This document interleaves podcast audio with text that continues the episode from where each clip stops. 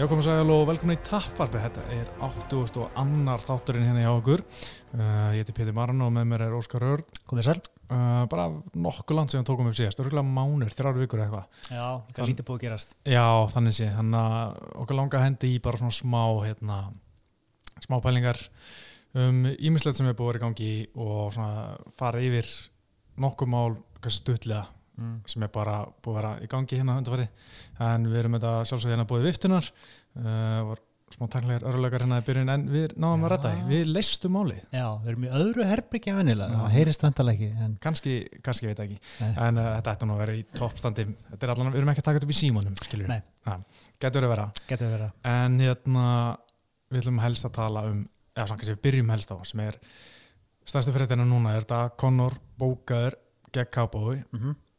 Segja allir skilju en við séum ekki staðfest barðan endilega, við höfum ekki séð póster Er það ekki? Nei. Ok, er allt svona fanmate sem hefur séð. Svona. Já. Ok, ok. en ég minna Deina er búin að segja Conor að tala um þetta Já, ég eh, að hérna, er að tala um þetta þannig að ég held að við séum bara að býja eftir einhverju veit ekki, einhverju new design og kannski kemur það bara hérna í næstu hugu, kannski er eitthvað blaman að þá Mm -hmm. í tengslu við þessu 45 sem hérna er blastasu, einhver, einhver trailer eða eitthvað svolítið Samt svo stutt í þetta, sko. nefnilega sko Ég það. Bara rétt rúmur mánuður, sko. Já, þess vegna var sko í, í manni skrifa bara grein í síðustu viku bara, veist, er það að fara að gerast já, þú veist, menn var að fá þeirra á bókafölda barndum fyrir hann að þessa dagsningu uh, 18. januar Mm -hmm. en ekkert stórt og ekkert með og þú veist hann hérna Alexi Oleinik byrti myndasir á Instagram þar sem hann var að með hérna Fight Night 18. janúar, þú veist, þá var bara Fight Night ekki UFC Mm. 2-4-6 eins og þú veist þetta verður núna með það Conor er komin þannig að ég held að Já. þeir hafa verið með svona bara plan B var bara, þetta er bara Fight Night Já. og menn Antoni Pettis gegn hérna gegn, ah, maður ekki hverjum Mm. Antoni Pettis er á kartinu Ok. þú veist, sennilega hefði það bara verið meini vendið ef á einhverju Fight Night karti ef Conor hefði klikað Man ekkert hvernig hann er að berjast það. hann er að berast við uh, Carlos Diego Ferreira þú veist, það hefði verið mjög weak meini vend verðum að segja Vá. En Það, ég held ég að ekki eins og hýrta þeim bara en nei, það hljómar ekki spennandi. nei, nei, það getur verið að vera Já, já, klálega, sko. Það. Sem main event, sko. Mm. Frekar veikt, sko. Þannig að... Þannig ég held að þú veist þeir hafa verið aðeins svona verið með vaði fyrir neðan sig Já. en Conor og Usain á að semja Mm. og samþykja að Conor mætir Donald Cerrone í 18. januar og sko árum fyrir að tala um bardaðan Mm -hmm. Langum að tala um eitt, það er eða fyllin í herbygginu Ok, það er náttúrulega, þú veist Con- Conor er með tvær nöðgunar ásakanir á, á Cerrone þú veist, í Írlandi. Aha, og þú veist, hvað gerist ef bara, það er verið að rannsaka máli bara eins og bara akkurat núna Mm. örgulega, ég veit ekki.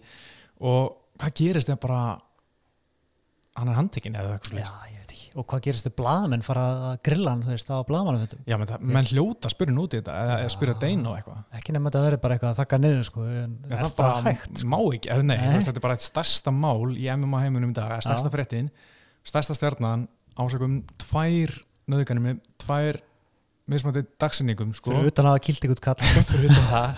það þú veist hvað, þau geta ekkert bara lítið framhjöði það verður spurt og tala um þetta í, í kringu barða Já, það kannski reynir á Conor, þú veist hann, Mhm. hann er alveg góður í að, þú veist bara, gefum skitt í þetta, þú veist, og afviðarlega umræðuna. Emitt, Þannig að sjáum bara hvað hann gerir sko, og bara í hvað Já. ham hann mætir, sko. Nákvæmlega ég, meina, ég held að það væri mjög skrítið að sjá hann í sama ham eins og síðast og líka Eddie Alvarez í einhverju minkapels ber ofan og svo kemur spurning um þetta, þú veist. Já, það væri mjög skrítið scenari sem myndi myndast og líka bara tapa í síðasta þú veist, frekar ítla mm -hmm. og allar hann að vera kokki núna, veist, Mhm. ósýrandi hverjinn hvaða persón er að fara að mæta blamanafundinu, þetta er mjög áhugavert sko. Einmitt, sko.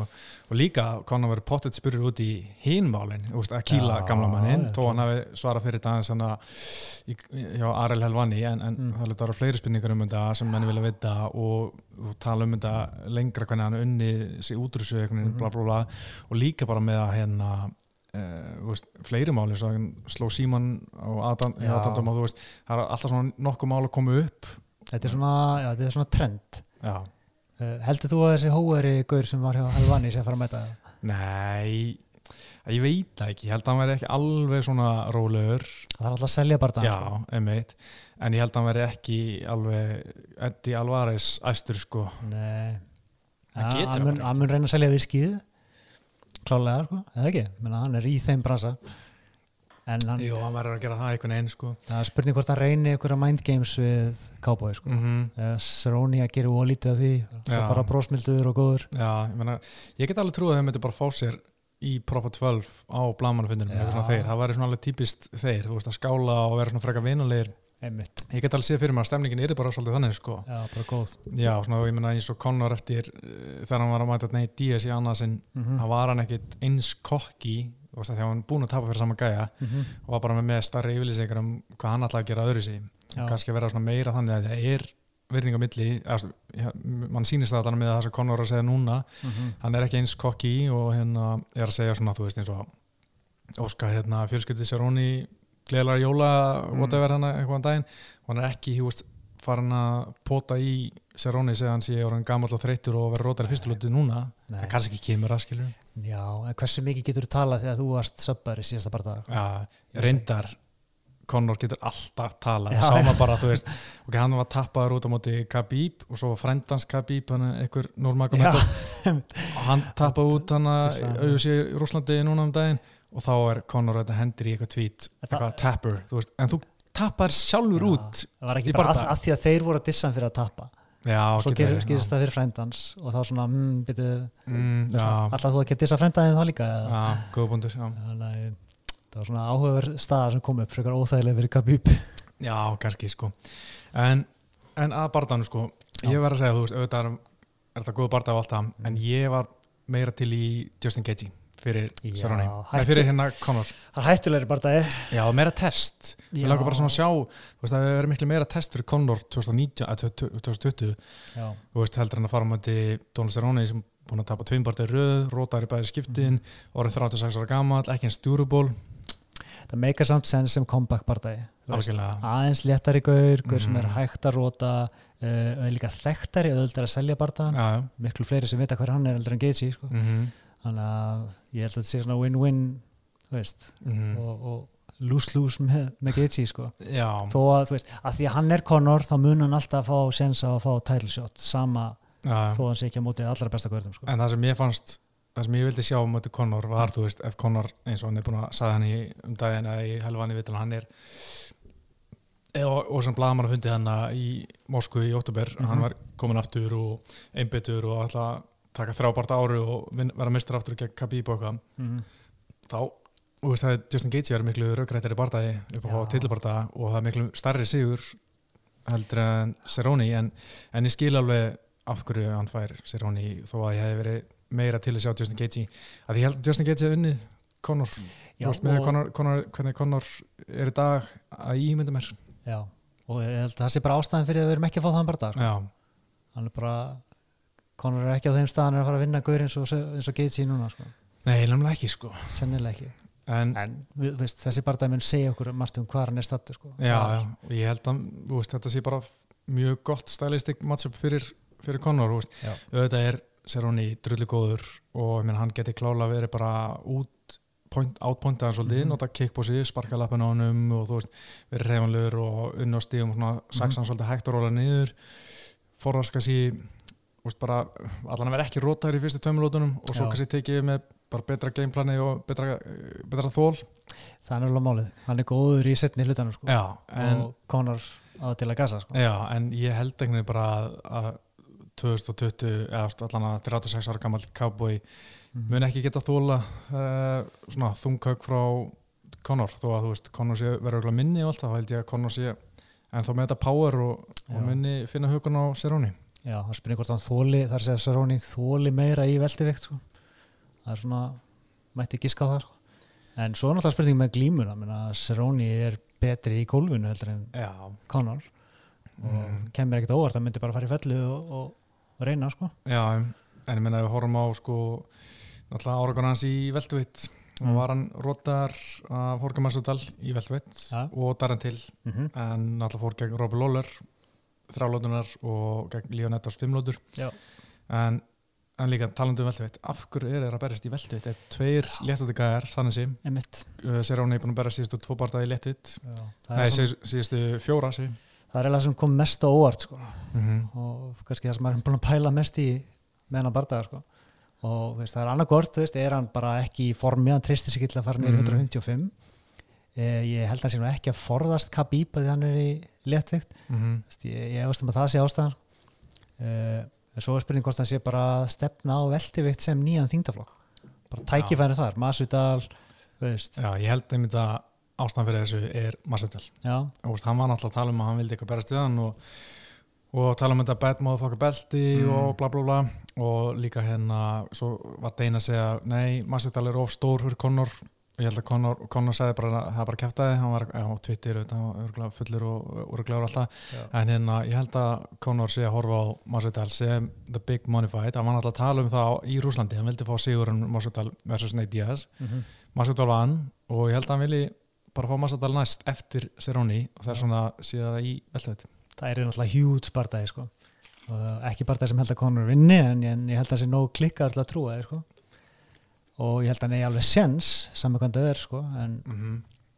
Masvidal er alltaf stór favorit en ég verði til að segja það. Já, ég líka, ég er nefnilega held að það veri mjög skemmtileg barða og líka skemmtilegur aðdraðandi ég held að Masvidal myndir miklu frekar vilja það heldur en Úsmann eða Covington. 100% sko, 100% sko. Miklu meiri peningar Já. og bardagi einmitt, betra stylistic matchup bara. Já. Og skemmtilegra, bara allt skemmtilegra. Mm en það er líka áhugavert í þessu hversu stór pay-per-view stjarnar er Conor núna? Já, veist, sko. að hann er, við erum ekki með annan svona eilistir við liðin á sér. Mm þannig að þetta pay-per-view þessi sala mun endur spekla mjög mikið bara hann í dag. Já, Conor hefur aldrei verið þekktari heldur en núna en hann Nei. har aldrei verið, umdeldari heldur. Hann, hann á orðlega færri aðdáðandur Mhm. heldur en þú veist bara 2017 eða eitthvað bara eftir allt sem hann bara var að gera. Já, og náttúrulega tapaði síðast, ég veit ekki hvort það hafi ykkur áhrif sko, en einmitt, sko. Það Ég held að það eftir að gera alveg góða hluti en veist, bara kannski svipa á þú veist, 1,6 eitthvað. já, ok, yfir alveg miljón, vel yfir miljón Já, ég held alveg. Þú veist, þetta er Cerrone, hann er vinsall líka Já. og veist, þetta er endur koma Mhm. og ég held að sé alveg ennþá áhugi á Conor 2020. já, þeir munu selja þetta mikið, veist, Mm og það er að segja auglýsa mikið -hmm. þannig að já, það getur verið, það verður áhugavert En svo veit maður alltaf ekki, það er náttúrulega búið að vera pínu svona, tala um þessu erfiðara, að svona, ég veit ekki alveg hvernig þetta virkar með þetta E ESPN Plus streymis þjónustunum og allt hartar með það í bandrækjan til að kaupa já, Það hefur verið svona pínu, sem svona hindrun hjá fólki að Já. kaupa peiburjú í bandrækjan ok, út af því að þú vart að vera áskranda því sem er einhverjar, þú veist, 5 dólar á mánuði eða eitthvað svo lýs og fólk er svona ekki alveg tíma að borga það pluss 60 dólara í peiburjú hvað sem það er. það sést til að breyta því, þannig að þú getur bara kift eitt kvöld. Já, það, þá fari ekki áskrift á ESPN Plus. Það Nei, er það sem þeir að reyna sko. en það vilja það ekki allir, sko. Nei, en þeir eru að þrenga fólki að gera, þeir eru búin að gera þetta síðan hann að, hvað hefur sér, 236 í april sko. svolítið pyrrandi, sko. Já, en þetta er bara kapitalismi Nei, En hérna, sko uh, mér fannst, ég man þegar fyrst svona byrja að tala um, en alltaf ok langt síðan var svona að byrja að tala um Conor og Khabib. Ég man, nei Conor og Cerrone. Mm. ég man fyrst eftir að tala um sko að Conor vildi fá Khabib, nei Cerrone. Og ég er fastur í Khabib hérna. Ja. sko þegar vorum í Stokkólmi 2014 að Gunni var að berast við hérna Rick Story, Ó, ok, svo langt. Já þá var sko Conor nýbúin að vinna Dusty Poirier mm. og Conor og Dusty Cerrone voru á sama karti, voru mjög vinnilegir. Náttúrulega sé hvernig flokki og alltaf mm en hérna þá var sko Conor býð eftir Hosea Aldo. Hosea Aldo var þá með barða við Chad Mendes Já. hana í oktober mánuði setna og Conor nefndi ekki að býða eftir Chad Mendes. Hann vildi fá að berjast bara, hann var svo aktíður þá þetta er 2014 að hann vildi fá var að byggja auðvitað sem að fá Serrani í mm. veist, léttvitt bara, ok, bara til að á meðan var að býða eftir Aldo. Það hefur verið klikkað þá. Já, en auðvitað var Husi ekki að fara að riska því Nei. og hendi frekar Dennis Siever í hann í januar já, frekar öðuldur já, og sér að hún er bara saman kvöld þannig við Ben Henderson mm. en þá var allt gott á milli og síðan held ég að þetta hafi svolítið byrjað hérna þegar Conor varð uh, alvörumeistarinn eftir Sigur Hósi Aldó ég var að reyða upp hérna á Emma Junkie í daginn, mjög flott grein þar. Þar sem hérna uh, Conor var að að drulla yfir Cerrone og Dos Anjos þegar þeir feng, var að fá svo lítið borga fyrir hennar barða og var var, það hana Red dæmi þarna? Það, var aðeins á undan því sko. ok, ok. Og hérna tala um þú veist, að þeir fá ekkert borga og það er bara ruggl og hérna og fær ekki borga nema að mæta mér að því að þú veist, hann var að tala um að, hérna, að þetta var á Fox, þetta til bara á Fox ekki með pay-per-view eitthvað svona mm. og hérna svona alltaf vinna hérna, Aldó bókar í hérna, eh, kemur hann að blamanafundurinn hann í janúar og þá byrjaði svona aðeins að bífa og, og Donald Cerrone var líka aðeins að skjóta að drullaði við Conor þú veist, að því að Conor byrjaði að drullaði hann að eftir Hósi Aldo Sigurinn Mm. þannig að þetta búið að vera svolítið fram og tilbaka þá en, en auðvitað var þetta svona fyrst svona alveg að tala um mynda uh, þegar hann Cerrone vann hérna Alexander Hernández í endurkomu sinni í léttveit núna í janúar bara á þessu ári sko. það var gekkja Já, frábær sigur þá og hérna menn held að það myndi fara að gerast en gerast ekki og Cerrone fekk en Ale Quinta mm -hmm. og þá mann ég eftir að hann Cerrone tala um hann var búin að gefast upp á Conor Mm -hmm. en þá var ég líka miklu meira spenntu fyrir að sjá Cerrone móti Conor því að þá var Cerrone að þryggja barða sigugöngu sko. En núna bara að tapa tveim barða með röð veist, jú, vissulega gegn tveim barða næst bestu í, í léttutinni Justin Gaethje og Tony Ferguson. En þú veist, hann var aðeins meira hæp það sem er Já, en hann, hefur hann ekki alltaf verið þessi gaur sem er unnið nokkra, tapa tveimur unnið fjóra, tapa tveimur? Þannig að veist, ég held að hann sé ennþá svipaður fætir, veist, ég held að hann sé ekkit miklu verri útgáður sjálfum sér núna. Nei, en mér fannst líka bara sérstaklega hvernig Justin Gaethje rótaði hann í síðasta barða í, í september og það var bara eitt tök sem kilda niður sko. Já, hann líka Justin veist. Já, og þú veist, þá hugsaði bara að Conor er bara að gera það sama, eða þú veist, hann er bara að droppa með einu hauki og þetta er bara búið í fyrstu lóti, þú veist. Veit ekki, það sé bara ég held að það sé ekkit örugt sko. Nei, nei, en, en þú veist, mér, veist, veist, ég hugsa um menna bara það núna mér veist Cerrone var alveg að blíkluður og Conor. Já, Já, bara að því ég veit ekki hvar Conor er landsíðan síðan mhm. þú veist, og ég þú veist, ég veit ekki hvort ég trúi að hann sé búin að vera að æfa og brálaðingur Nei, ekki heldur sko. Cerrone er búin að vera aktífur. Mm þetta er í veldivikt þegar, Mhm. þegar Conor hefur verið í þing, þingarflokkum hefur hann gasað. Mm. Cerrone er góður í löngum börnum. Þannig að ef þú klárar hann ekki fljótt þá ert í vandræðum. Og ef Mhm. hann reynir að klára hann of fljótt og gasar veist, þá var þetta bara eins og Diaz fyrsti börnæðin já, söpur hann bara. Þannig að ég, ég get alveg séð Cerrone bara að vinna þetta sko en það væri, já, maður þarf kannski að fá aðeins meira info, aðeins bara hvað hann er stattur já, ég er alveg sko sammála mörgu, Mm. en ég held bara að Serjóni sé einn af þeim sem hann Conor vinnur í dag, Mm. þú veist, nema að sé bara alveg gjörsalega skuggina sjálfum sér sko já, það er sem ég óttast sko. Já, en sko ég held að Jorge Masvidal vinni Conor, Justin Mm. Gaethje og 100% Khabib mm -hmm. svo örglega einhverja fleiri en, en ég held að Já, Tony Ferguson og hérna en ég held að, veist, ég gef mig það að Conor sé líklegra en Donald Cerrone á þessum tímpúnt en þú veist að það er auðvitað langt í þetta þú veist, kannski kemur Conor með einhver þvílík hype-vídeó sem verður bara eitthvað, he's back eða þú veist, hvað sem er og hérna lítur bara vel út og alltaf og, og svo náttúrulega er maður að heyra er Conor að tala við hérna er að koma svo fréttir af viðtölum við aðeingafélagans Conor Mm. þar sem henni segja hann er bara fyrir snemma að sofa og mæt, mætti snemma í gimmið trú og ekki veist, neina þessu. nokkala maður svona,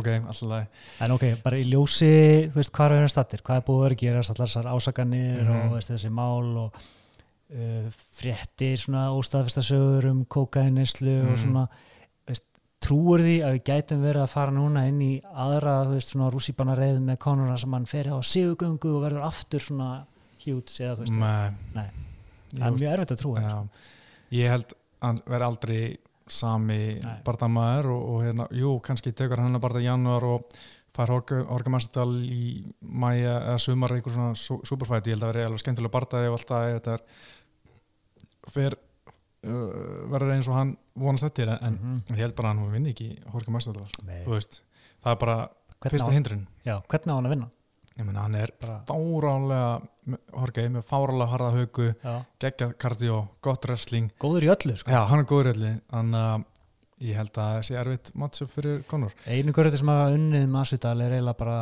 görður sem hafa wrestlaðan mm. og bara veist, bara stöðut verið með wrestling árásir sem hann hefur verið að verjast stöðut Mm. og bara unnið á stegum Já, eða alveg kvinta einhvern veginn bara, þú veist tjappa hann og með pressu og Massadal verður latur og gerir ekki neitt, ég veit ekki en, Já. hérna, en ok, það er náttúrulega en eitt með þetta barðakvöld, það sem er komið núna er það sem ég er mjög ánað með, Mm. mjög spenntu fyrir og það sem ég held að auðvitað sé að gera mjög vel er að það eru nokkur hana prospects á kartinu Ok. sem þú veist fá svona smá meira sæðin út af því að Conor er komin að karti Mm. það er náttúrulega fyrsta lagi Nassat Hagparast já, uh, sem lítur nákvæmlega út eins og Kjellum Gastelum er í, er í veltuvitin, er að hjá Træstar hérna fyrir Sabi, Aha. hann er náttúrulega geggjaður sko og hann er búin að vera mjög flottu núna hann er hvað, hann er 4-0 í USA Mhm. bara 24 ára gammal þjóðuri og hérna Nei, svo hann er, er þrýrið, hann tapaði fyrsta partan sem þrýrið í USA, hann búin að líta mjög vel út undanfari Mhm. uh, svo erum við hérna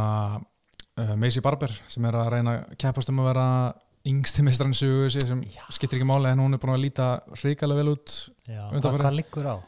ég veit ekki, held að hún sé bara vilji komast í sögubækana sko, held að það sé eina sem liggur á baki sko, hún er 21 á skömmul sko. Mm. og hún alltaf tók Gillian Robertson núna í oktober með flottu tíki og bara í, fyrsta lótu, það var mjög flott því að Gillian Robertson er sjálf mjög frambarleg og efnileg. Já.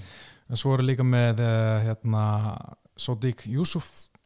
Uh, hann er, ég held að sé bara frá Nígeri, en hann er í fjárvett, hann er fórmið Andri Fíli alveg rétt. Og hann er 26 ára gammal já, og er orðin 3-0 í ösi, vann líka barða sinn í White Contender Series mm -hmm. og búin að taka tvo barða með tíki og, og Já. veist, síðasta barða bara eftir Rótaki fyrstu lútu og Flott bóks já, mjög flottu barðamaður og, og einmitt, partur af þessu nígrísku einrás frá Nígri mm -hmm. sem ég hef mjög gamla því að það er einhver super athletes þar sem er kunna að slást núna og er gaman að sjá það Já, gæð ég var til að opna útubú í mjölins útubú í Nígri bara, Ok. fá bara talandið þar, bara kenna þeim og sjá hvað gerist mm -hmm. en en ég er spenntur fyrir þessu karti sko, með það lítur út núna upp á svona prospects og, og veist, ég meina, þetta er eitthvað sem var alltaf að hugsa bara, auðvitað ég ætti að gera þetta alltaf þegar svona stóra stjórnir eins og John Jones og Conor er berjast og þeir gera þetta örgulega en mér stundur svona vanta, svolítið Já. svona eitthvað meira spennandi. Það eru mörg augu á kvöldinu já, veist, að setja smá sæn sæn á eitthvað svona mjög efnilega, þú veist, eins og að vera frábært að henda hennar Edmund Sebastian þetta er kart líka, þú veist, hann er 21 ás mjög Mhm. efnilegur, en já, það er svo sem alveg smá í þetta, en svo er eitt barndagina sem pyrra mig, sem er að kartinum Ok. Það er Holly Holm og Raquel Pennington 2 oh, fyrir God. bardaginn var leðilegur af hverju að henda þessu saman aftur? Já, why? Þetta á að vera hvar aftur? Í Las Vegas. Já, ég spáði hvort það sé eitthvað með tengslana við, við svæðið eða eitthvað. Nei, Nei, þetta er bara, þú veist, auðvitað er bara að gera eitthvað. Við bandað kanna eitthvað fyrir Holly Holm.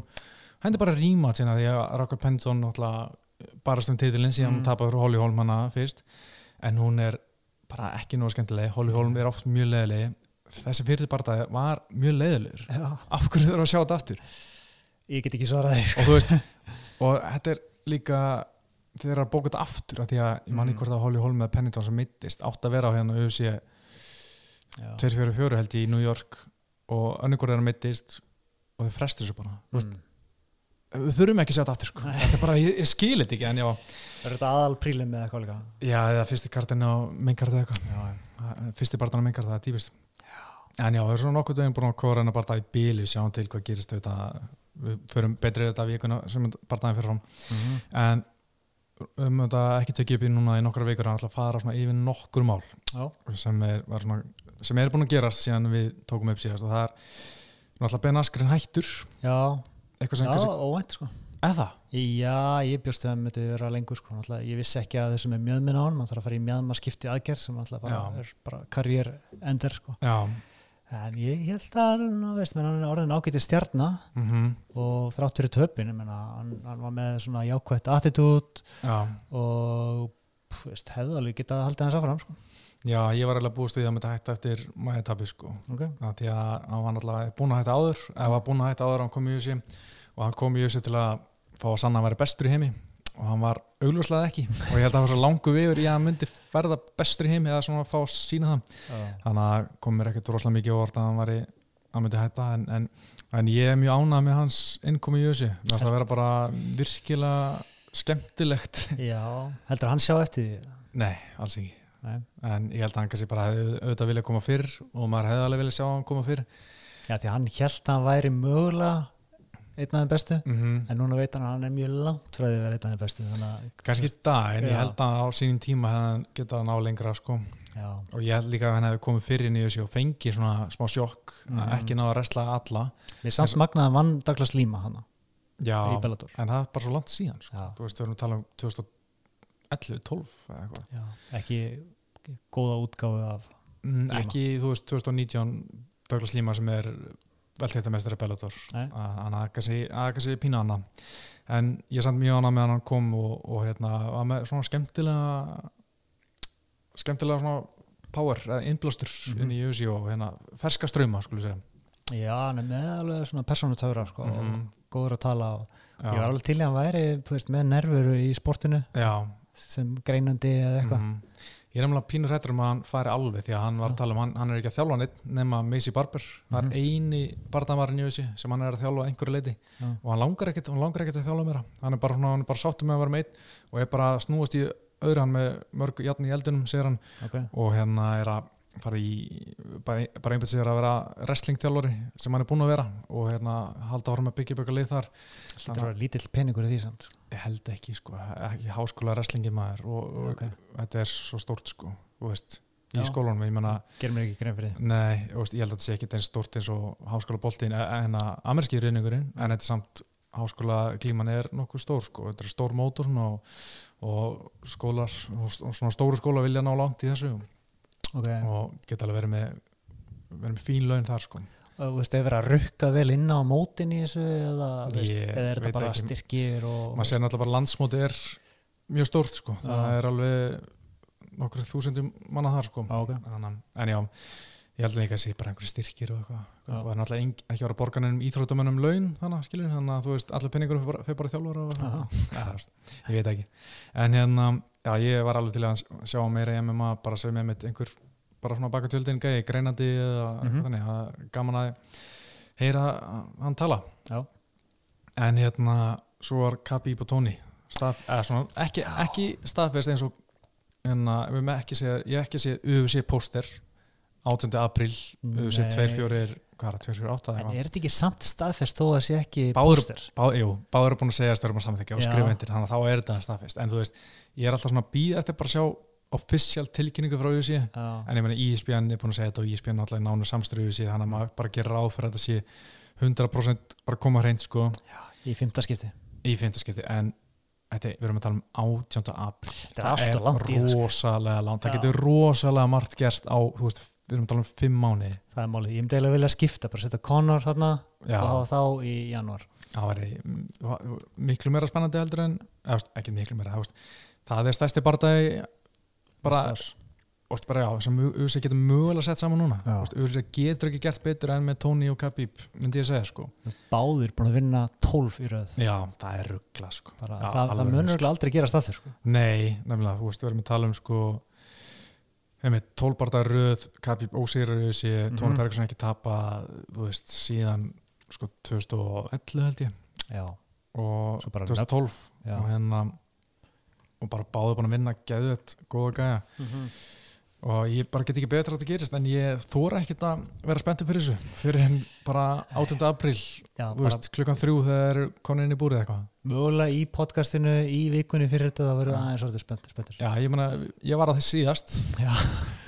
Nei, ég var, leiðilegt. ekki orðin spenntur Það var eitthvað þar síðast, það er Khabib skeit á sig viktunni Þá var ég orðin mjög spenntur í vikunni erfitt Ég veit að ég man sko bara, þetta er eins og þegar 9-11 var Ég man hvar ég var þegar ég fekk fréttina að, að Khabib var átt sko Hann er klúraði viktunni, ég, veist, ég bara þú veist, Ég var að fara á æfingu klukkan 5 Já. og þú veist, hann er bara búin að veist, ekki alveg að fylgjast með viktunni þetta var í New York, ég er bara svona ég er bara ánað með þetta, veist, ég er bara, "Ha, þetta var að gera og ég er bara fór á æfingu, þú veist, auðvitað ekki með síman á mér, fyrir að, hérna, er í tvo tíma fyrir á æfingunni fer séðan bara í pottinn og bara eitthvað til og einhver spyrir mér er það kapip átt, ég bara nei, veist þetta er bara að fara að gera þetta morgun. Ég er bara, bara mjög spenntur inn í tvo tíma og svo er einhver að segja mér að það var að gerast og ég bara, hann hefði skitað þessi viktunni og ég ég ætla ekki að trúa, ég bara, nei, ég trúi þess ekki ég trúi þess ekki, þú þurft bara áfalla hjálp sko. það líka við sko. Já. og svo náttúrulega bara þú veist datt Tóni Ferguson og Kapal síðan árið setna, þú veist, Mhm. sjómaskapal þetta er bara, bara, þetta er bara mest Þetta er absúrt, körst barða í sög MMA, Mhm. fjóru sinnum hefur þetta dottið niður, það er fárálegt þetta dettur niður, niður í fynda sinn þú veist, ég veit að um sögum þetta líka með síðast, mm. en þá geta þær ekki reynd þetta aftur jú, þeir verða að halda áfram þanga til þetta gerist og þú veist ég trúi allan að með þeir eru að vinna báður já, já, en, en þetta, þetta er að fara að gerast núna Já, já. sendum bara góða ströma út í kosmosið sko. já, þú veist sko, ef ég var í gemminni á Khabib mm. eða nei á Tóni, þá væri ég örugglega búin að taka svona, þú veist alla svona medicine bolta já, bara, þú veist, þeir eru týndir ég veit ekkert hvar medicine boltanar eru og þú veist, setja eitthvað öll hot svona eins og fyrir blinda og svona. Mm, já, já, þú veist, bara setja sko alla snúrur, bara teipa þær limdar við jörðina, þú veist, Já. bara allar slýsa, þetta er bara svona babyproofa gimbið, mm -hmm. þannig að hann miðist ekki, en svo getur allt gerst í sparri skiljum Já, þeir náttúrulega þurfa að æfa eins og, eins og dýr fyrir þetta. Já, já, einmitt, og Tony Ferguson æfir þessu hálfviti. Já. hann æfir tíu tíma á dag. En þeir hafa ekki verið að miðast í þessum sparræfingum nei, nefnitt, það Það er bara Já. og náttúrulega kannski fyrstu tvö skittin hafa verið eitthvað verið að gera Það er svo langt séðan, ég man ekki eins og því. Nei, fyrst var það held ég Khabib með rifbeinsmeðsli það var 2015 sko. Okay. og svo var það Tony Ferguson með eitthvað, fekk eitthvað í lungun. Já, sýkingubræða. Ég veit ekki, man, man ekki hvað var það var eitthvað í lungun svo náttúrulega kom viktunin hjá Khabib og, og hérna sjónvarskapallinni Og það eina Og sem kannski var hægt að koma í vekk fyrir svona, þú veist, er eiginlega viktunin þú veist. já, Allt hitt er svona einhver slis sem bara gerast já, en einmitt. viktunin var bara að skita sko. já, það er 100% sko en svo líka með, með sjónvarskapal sko, ég veldi alltaf fyrir mig hvort að Tony Ferguson hafi verið með sólgleru inni eins og hann er alltaf og sá Já. ekki kapalinn, ef hann hefði tekið sólglerun af sér þá sé betur, nei ég veit ekki Það var einhver umræðum um og hann, hann sagði að hann var ekki með sorgleirun ok, það En- Já, ég man eftir því, Ok. en ég veit ekki hvort það sé satt sko. Nei, að gleði mig aðeins að, vita það. En fólk var að dissa hann fyrir þetta einmitt sko. En sko, þetta er náttúrulega 18. apríl í New York. mm. Þeir UFC vildi hafa þetta í mars í Las Vegas, en Khabib náttúrulega neytar að berjast í Las Vegas, nema Nevada State Athletic Commission byði Khabib afsökunar að hafa sekta hann fyrir, sko, Khabib náttúrulega fekk sekt fyrir að stökka út úr búrunu og ráast á Hotman Connor og sem var eitthvað ræjót og hann fekk sekt fyrir, hann er ósatur hvernig óskupin getur hann ætlast þess að fá afsökunarbeinu frá Nevada fyrir þetta? Hann er bara harður rússi sko. þú bara móðgar hann ekkert sko. Það er ótrúlega guður sko. Mér finnst það bara geðveiki að halda að fá afsökunarbeinu Mér finnst það bara fyndið Þetta er fyndið en mér finnst það að vera algjör sturlun og, og það er sem ekki svona bulli hegðin eitthvað, þú veist Mhm. bara, herru, ef byggðum ekki afsökunar og besti ekki okkur og þú veist, Nevada er bara þannig þeir gera allt fyrir pinningin en ég get alveg trúið að eftir svona hálft ár og kemur Nevada, eða ég veist, Nei. þeir geta gera allt fyrir pinningin þeir sko. geta ekki, þeir, þeir, því Þá, þá þurftu að viðkynna þetta var ránt mm, þá þurftu að segja þetta sé í lægi fyrir næsta gaur.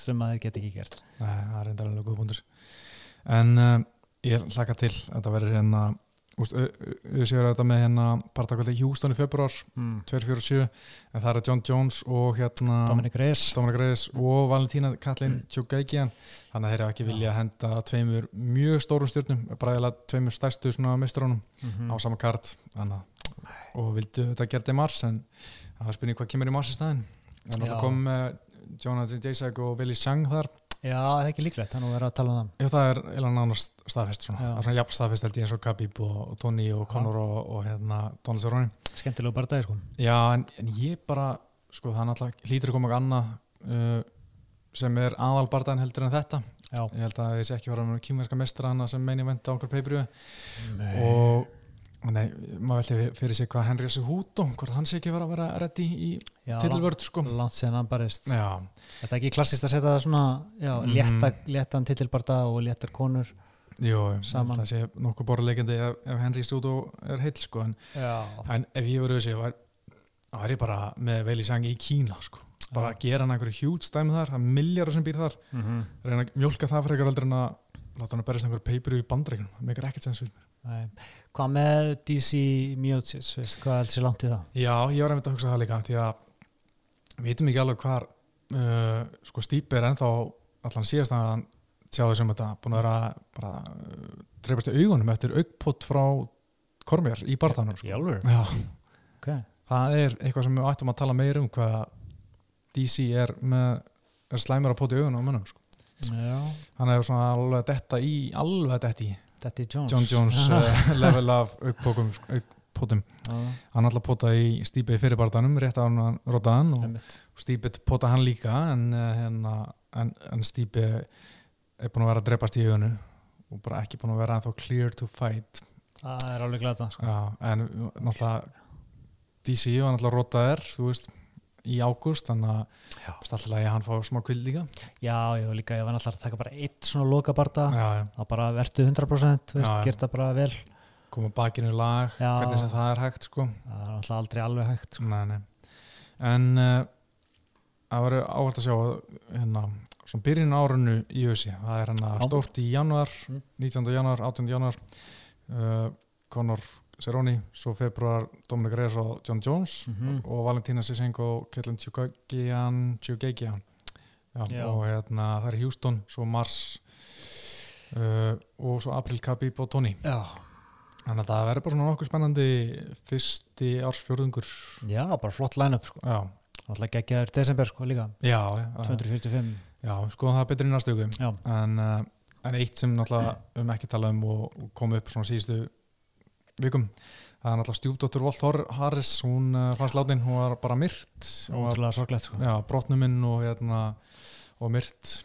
Uh, hún var 19 ára gömul. Mm. uh, sem er alltaf mjög sorglegt alltaf en hérna það sem ég pæli í sko náttúrulega Volt Harris, hann er ekkert að vera að berjast. Hann er náttúrulega þungað dusi og búin að vera svona upp og ofan hjá honum.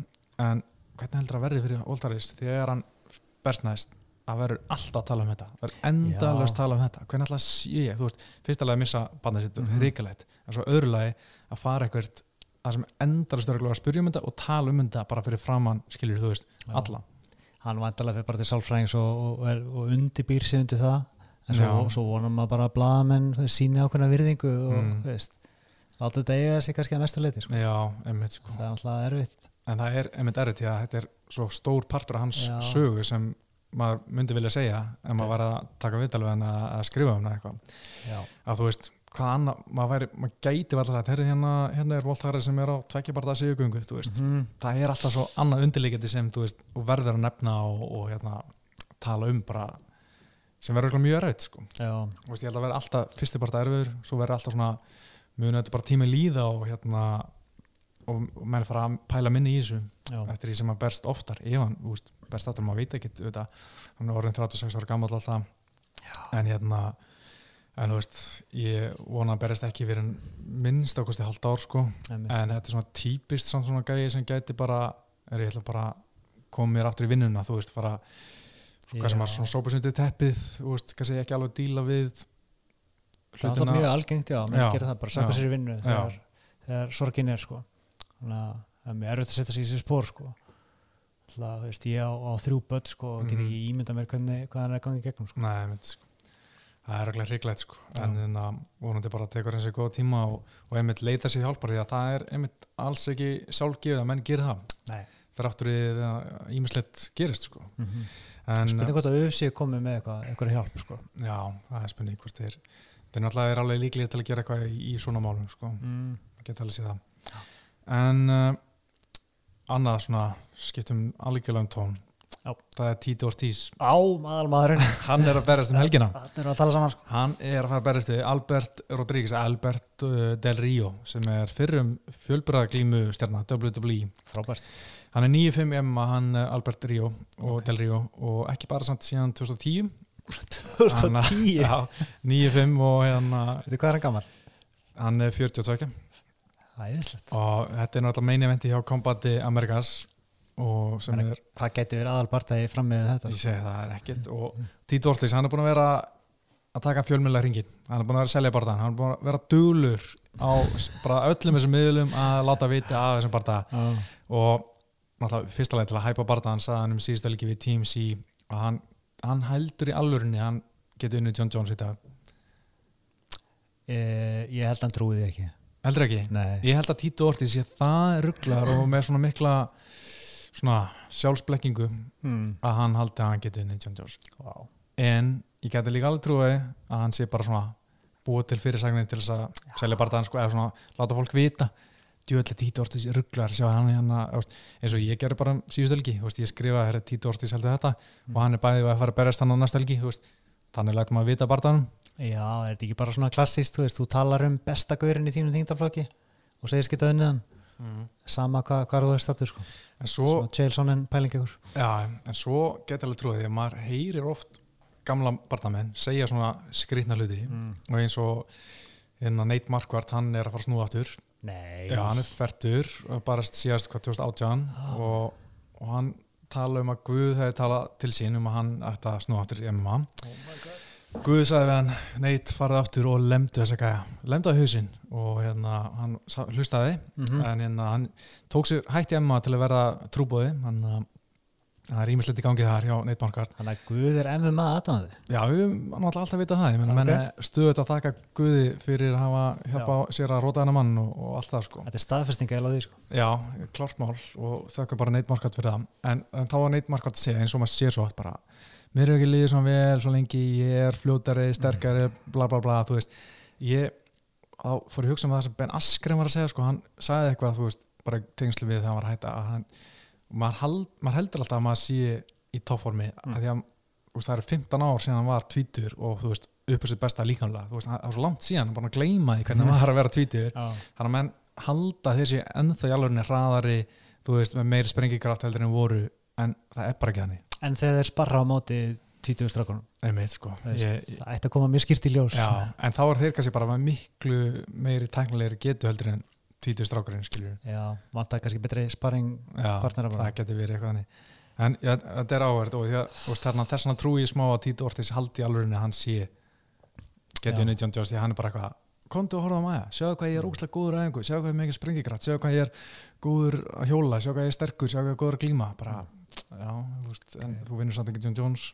Hann alltaf hefur aldrei verið skarpast í nýfurinn Nei, við getum alveg sagt það sko, og hérna og geta alveg sagt það að besti, besta svona prime Tito Ortiz mm. á móti prime John Jones eða John Jones í dag, ekki sinns. Nei. John Jones er alltaf að vera að vinna Tito Ortiz. Mm -hmm. en talandi um að vera skarpur nýfur í skofinni sem, John, sem Tito Ortiz er ekki. Ég ætla að koma með nokkur kvót hérna frá. Tito Ortiz sem hann er búin að segja fyrir hann að barta sem Mm. er svo gamla reyf því að þetta er þetta er ekki orðheipin maður er samt er þetta eftir ekki hjá hann Ég, jú, hann er örugglega búin að hugsa þetta en bara, hann er eins og hann klúður alltaf kvótunni í miðri sendingu. Og hérna er eitt sem, svona my personal favorite, hann er að tala um barðan um helgina. Mm. When I put my elbow through his face he's gonna be asking where's mama and it ain't gonna be my mom, it's gonna be his ég veit ekki hvað þetta þýðir sko en, þetta, er magna já. svo er hann að alltaf sko Alberto is two years younger than me but I'm ten years younger than him what? Sko Alberto er bókstala tveimur árum yngri en. Tito Ortiz, 42 ára og, Albert, og Tito er 44 ára já. but I'm 10 years younger than him þú veist, bara örgulega líkamlega þú veist, hún Já. líður þannig sko. Magna, oh my god og svo er annað hérna um aldrinni á Tito. I think I'm getting younger as I age. I'm like a fine wine. Ok, ég, finnst ég verið yngri á meðan ég eldist. Það er magna. Já. hann er bara líkanlega undur. Hann er það. Tito Ortiz. E- já, Ah. minnum mér svolítið á hana, mannstu, þau eru hort ofta á Back to the Future myndunar nei, það er Biff hana, uh, óvinnurinn hann já, svona frendin alltaf, svo, alltaf or- orð óheppin og, uh, og rugglar svona já, kvotum eða svona. Já, einmitt, einmitt. make like a leaf and get out of here en ekki leaf já, já. út út úr en uh, Tito Ortiz náttúrulega sko, ég mæli með að followa á Twitter account sem heitir held ég Boracina hann er Mm. alltaf, hann tekur örugglega hvert einasta viðtalið Tito Ortiz, okay. klippir svona lítinn bút úr því sem hann er að mismæla sig. Og það er svo indislegt að horfa það því hann er alltaf að mismæla sig. Þú veist, hann auðvitað fyrir hann í mörg viðtal sérstaklega nú- núna þegar hann er að selja barða en hversu mikið getur einn maður mismæla sig, það er ótrúlegt. Það er bara gull. Já, kannski er þetta viljandi bara. Nei, nei, nei, ekki Bara hann er ekki svona klár. Ekki, þurfum ekki að gera fyrir því sko. nei, ok ég ætla bara að vera gaurinn sem mismæli sér alltaf, það er úrst að fyndi og þú veist það er líka svo geggi klippa sem er á netinu á YouTube það sem bara svona bestu mismálin hjá Tito Mm. Það er, ég elska að horfa á mismálin sín, sko. það er svo gaman sko. langar svo að vita hvað hann er að hugsa þegar hann er mm. að því hann hlýtur að vita bara fuck, ég er bara að klúra setningunni alveg og svona er að reyna að bjarga sér einhvern veginn sko. en já uh, svona rétt í lokin uh, Albert Tuminov, hann er búin að vinna núna fimm bara dæruð síðan hann var látum fara, eða yfirgaf Já. sannleikurinn var búinn. Það geti snúið aftur mögulega eða? Ég held að hann sé bara í fínum málum hann í ACB eða ACA eins og heiti núna. Mm. það er eitthvað betra að borga þar, þetta er bara í Rúslandi og Kazakstan, hann er stjarnan þar velþjóttumestari, mm ég held að hann sé bara að fá góðan ólípenning þar. Og, en, en ég man sko hann alltaf að tapa fyrir Gunna eftir að vinna fimm bara dæruð Mm. og svo fekk hann Leon Edwards næst og var að vinna þá hann var hengdur í þriðlótu mm og þá var ég bara svona ok, hann er búinn, eða hann er ekki top level eitthvað. já, en svo náttúrulega er Leon Edwards sanna það, að hann er miklu betri heldur en maður held á þeim tíma já, já, ég meina engin skömm að tapa fyrir honum sko Nei, nákvæmlega, það, er, það tapir svona elstu vel, Já. getur sagt sko. en var hann köttaður eftir það eða? Ef samlingum var búin eftir það, sko. Já. það síðusti bara þannig hans á að, að þeir hefði átt að framleika já, en ég held að hann sé bara betri, betur stættu fjárháslega hann Já. sko held að hann hafi ákveð að semja freka við ACB já, heldur en hérna ég man bara þegar Gunnar fekk Túmenov og veist, við vorum mjög hrættið við hann sko. veist, Mhm. hann er djúvillig góður og hefur verið lengi og veist, við vissum það alveg sko. Mm og hann er bara gera flotta hluti utan í USA þó að hann sé kannski ekki berast í Leon Edwards þá var hann að vinna parta og hefur búin að vinna þrjáðið með Rótöki og bara flott Rótök sko. Já. Hvað heldur að verða um, greið Edwards? Heldur hann sé að fá útlí? ég vona það því að bara Ef ekki þá ég veit ekki hvað hann ætti að fá til þess að sem er starra sko heldur en Dos nei. þá var hann bara að detti í einhvern ponsunibí og eitthvað þannig sko en ég menna kannski er hann bara sáttum með það ef hann fær meini event í London til Já. að fá svona smá reyna að fá vera meiri stjarnan heima. Mm en ég veit ekki, það verður bara komið ljós en, en ég skil ekki hvað Taran Wood ætlar að gera. Veist, hann er náttúrulega, veist, þetta er topp gæi sem hann er að fara á móti, sem er í titilmyndinni. Mm -hmm.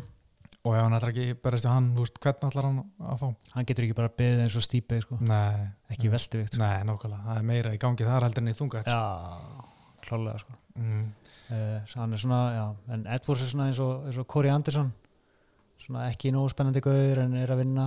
Ég sá Corey Anderson er að mögulega að fara að berjast aftur við Jan Blackowitz Já, ég veit, ég veit svolítið svona Það er pínu erfitt fyrir Já. hann en hann er búin að vinna einu sinni en Blackwoods búin að bæta sig mikið síðan þá mm -hmm. þannig að það er kannski bara fínt fyrir hann að fá að selja þessa hugmynd enn betur fyrir auðvitað að, hann eigi skili og fyrir aðdæmdur að hann eigi skili að fá tilbarta já, og hann verður að fá það ef hann vinnur Blackowitz sko. Já, ég held að það sé ekki að netta því sko þó hann sé oft ekki skemmtilegu barndamæður þann, en þá er hann að vinna og er góður mm -hmm. en svo er hérna eitt barndamæður sem vann hérna á dögunum í nómur Charles Oliveira, já, hann rótaði Jared Gordon og hann er búin að vinna núna sex barndæröð, mm -hmm. klára alla þeim. Ekki ekki og í léttutinni er samt er maður aldrei að tala um hann. Og hann er ofta að klára það bara á einhverjum sekundum Já, ég veist, hann var núna 1.26 með hann og með 1.15 síðan mútið Jim Miller í fyrra. Já, ég sá hann móti Clay Guida hann að þessi uh, 2025 Já, Chicago, þá er einhverja sekundur já það var 2.18 Já. Já, Það- mér fannst það vera eins og, eins og 30 sekundur sko. að bjór, bjóran að tala greinlega. Já. En ég meina þetta er, þú veist, gæði sem er búin að taka framförum og hérna og ég held að við þurfum að tala meira um hann og hann er Mhm. líka náttúrulega auðvitað með hérna flesta sigra í sögu sig eftir uppgjátök Já, og fleira. skemmtilega uppgæðatök líka alls Mhm. konar, alls konar kreatív sko. Já, og hann er líka með sko flesta performance of the night bónusi í sögu sig, ekki Mm. þú veist þegar maður telur ekki fight of the night, heldur bara performance of the night eftir, það, eftir að hafa breytt hann að hvað, 2015 eða eitthvað, mm -hmm. sem er nýju og uh, svo hann þetta með öðru seti, er næst flesta kláraða barndagi í USA sem eru 15, ég held að bara Donald Cerrone sem er fleiri, Já, þannig að þetta er bara og þetta er gæði sem þú veist, er rétt svo orðin þrítur já. Og maður er aldrei að tala um hann og hann er einhvern veginn veginn- alltaf. Já, alltaf, veist, að- veist, var hann afskrifaður af því að hann tapaði illa hann var, ég man hann var rótaður einu sinni mjög illa. Um, Gæti verið. Hann hefur líka svo oft einmitt tapað illa, hann veist, er lítur ágætlega út svo er hann rótar eins og móti Paul Felder. Mm, þú veist, rótar á móti hérna Max Holloway með veist, eftir svona skrítið svona, eh, nei, hérna neck injury, þú veist, það var svona skrítið þegar veitist í hálsunum og svo, þú veist bara stann bara fjórum mánu setna, þú veist, þú veist margt svona skrít og líka rótar á móti Köp Sansson eftir hérna svolítið skrokkök, já, minni mig.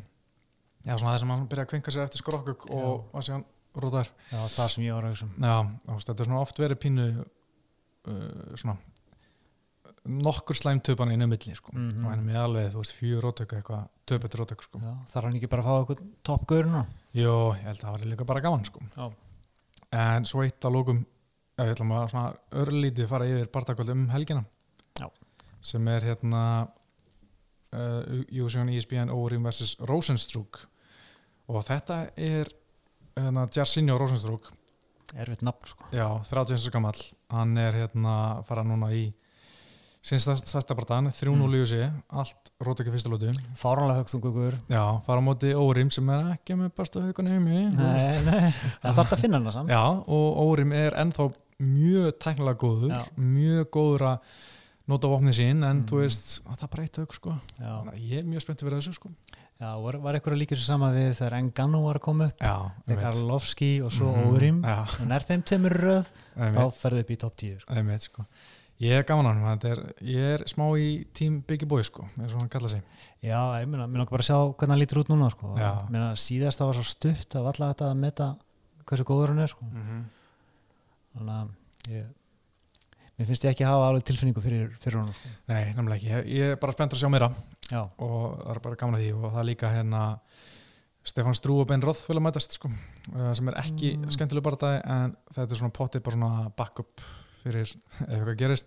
þetta er samt svona barndagi sem gæti komið óvart Já, já, já. já. veist. það er taka Æ, slagfæstu ég, ég er bara, ég veist um að Ég bara vona að við sjáum ekki Stefán Strú Rótan, hann hefur náttúrulega hætti og er komið aftur núna út af bara heila meðslum Nei, hann var, var, hann ekki, fasta bara þreyttur eitthvað, ég veit ekki alveg hann var með eitthvað, eitthvað heila dæmi sko. Já, nei, það var náttúrulega hjartadæmið hann það var hjarta dæmi mm -hmm. já, heili hjarta Já, Mm. en svo er annar barndagina sem er mjög spennandi það Mm. er í bandæðinni Cody Stamen og Song Yadong uh, Cody Stamen er svona, farið frekar lítið fyrir hann fjóri einn í USA og eina tapast var á móti Altimann Störling eftir hann að Zulu F stræts hann að nýpa hann að bækinu já, já, já. mjög skemmtilegt, eitt af sömur sem ásins í fyrra. Mm og hérna búin að le- bara leita vel hann er á hóndi Song Yadong sem er 21 og skýmuri -hmm. með 14 sýra á einhver, nei ég held að vera fleiri rótöku hann er búin að líta mjög vel út, hann er sko 4-0 í ösi mm. og klára þrjá á þeim það er Ok, á tvoum uh, Svo er annað sem er áhvert það er hann að Mallory Martin að fara á móti Virna Jandi Róba mm. Mallory Martin fór á móti Sunnurannu í Invicta 2017 ah. og sem Sunna vann eftir hvort það kló, klóðum dómar ákvörðin eða bara eða sko, ekki, ekki splitt hérna unanimousi mm. en hérna í frábærum barða okay. mjög jætt barða og skemmtilegur en, en Mallory Martin hefur gert mjög vel bara síðan þá hún tapaði síðan næsta barða sem Mm. var á móti, jú, Macy Barber sem er eina af bestu í, er svona mest spennandi í USA mm -hmm. síðan þá hefur hún unnið bara fjóri röð og hérna og þar af þrjá vikt og einn í Dana White's uh, Contender Series Mm. mm. hún er búin að vera að gera vel og, og ég fíla hann alltaf bara öll veist, ég tók viðtölu fyrir barðan þá hún var bara mjög almennileg og, og hérna bara, bara alveg svona virk, virka bara svona fighter martial artist stelpa, hún er bara 25 ára gömul mm. Manni, ég vona að hún gerir bara gott í ösi og hún er líka bara skemmtilega, skemmtilega stíl. Hún bara kemur til að slást og gefur ekkert eftir að, já, man ekki vel eftir henni sko, en, nei, ég mæli mig að horfa það bara aftur, hann var frábær sko. ok, en, hérna, en svo svona eitt annars og eitt annað á kartinu meðal annars Tíko Alves gegn Means ú, Tíko Alves búin að jafna sig eftir uh, síkingun hana já. sem gerði að verka um að hann dróð svo barðan gegn Gunnar. Mm. og mín sé alltaf skemmtilegur. Já, alltaf Dirty Bird. Dirty Bird en um, ég held að við sem bara að fara svona yfir að helsta sem við vildum fara yfir. Mm -hmm. það ekki? Já, En við verðum hérna aftur í næstu viku þar sem við förum vel yfir USA 245 það er þetta sturla bardagakvöld já, og bara svona aðeins til að renna yfir það ef við skildið vera búin að glema aðal bardagakvöldsins Kamar Úsmann gegn Colby Condon við já. svo er það fjæðurveit, titilbardag þar Max Sólu gegn Alessandro Volkanovski Mhm. svo er það titilbardag í bandaðut kvenna Amanda Nunes og Jermaine Randami Mhm. heldur þetta sé búið? Nei, Ó, nei. það er meira það er bandaðut, Marlon Moraes gegn Jose Aldo Jose Aldo er að fara niður í bandaðut sem er sko, já. og byrju bandvæðin búinn, nei það er annar í bandvæðin Peter Jan Mhm. gegn Júra F. Feiber Já, ég veit ekki alveg hvernig það fer fyrir Faber, sko, sko. Ah. og það er meira býttu bara, prílims mm. Geoff Neal gegn Mike Perry. Er bardagi skemmtilegt. Matt Brown gegn Ben Sanders. Tveir Ah, gamlir, old school. Óskul og svo góðu vinnur okkar Ómar Akmedov í millivit móti Ah. Ian Hænis Ómar kom, Ómari kom Mm. óvart síðast. Nefnilega sko. Við, hann er að gera fínu hluti núna hjá uh, Amerikan Tottum og Hænis tapaði á móti Derek Brunson hann var svona liðin já, upp. já, akkurat. Þannig að skemmtilegt, mjög gott karta, það er 14. desember við verðum hérna aftur í næstu viku og tölum með það yes. en uh, þá til ætlum við bara að setja gott Jú. Já. ég heiti Pétur ég heit Óskar og þökkum áriðana og verið sæl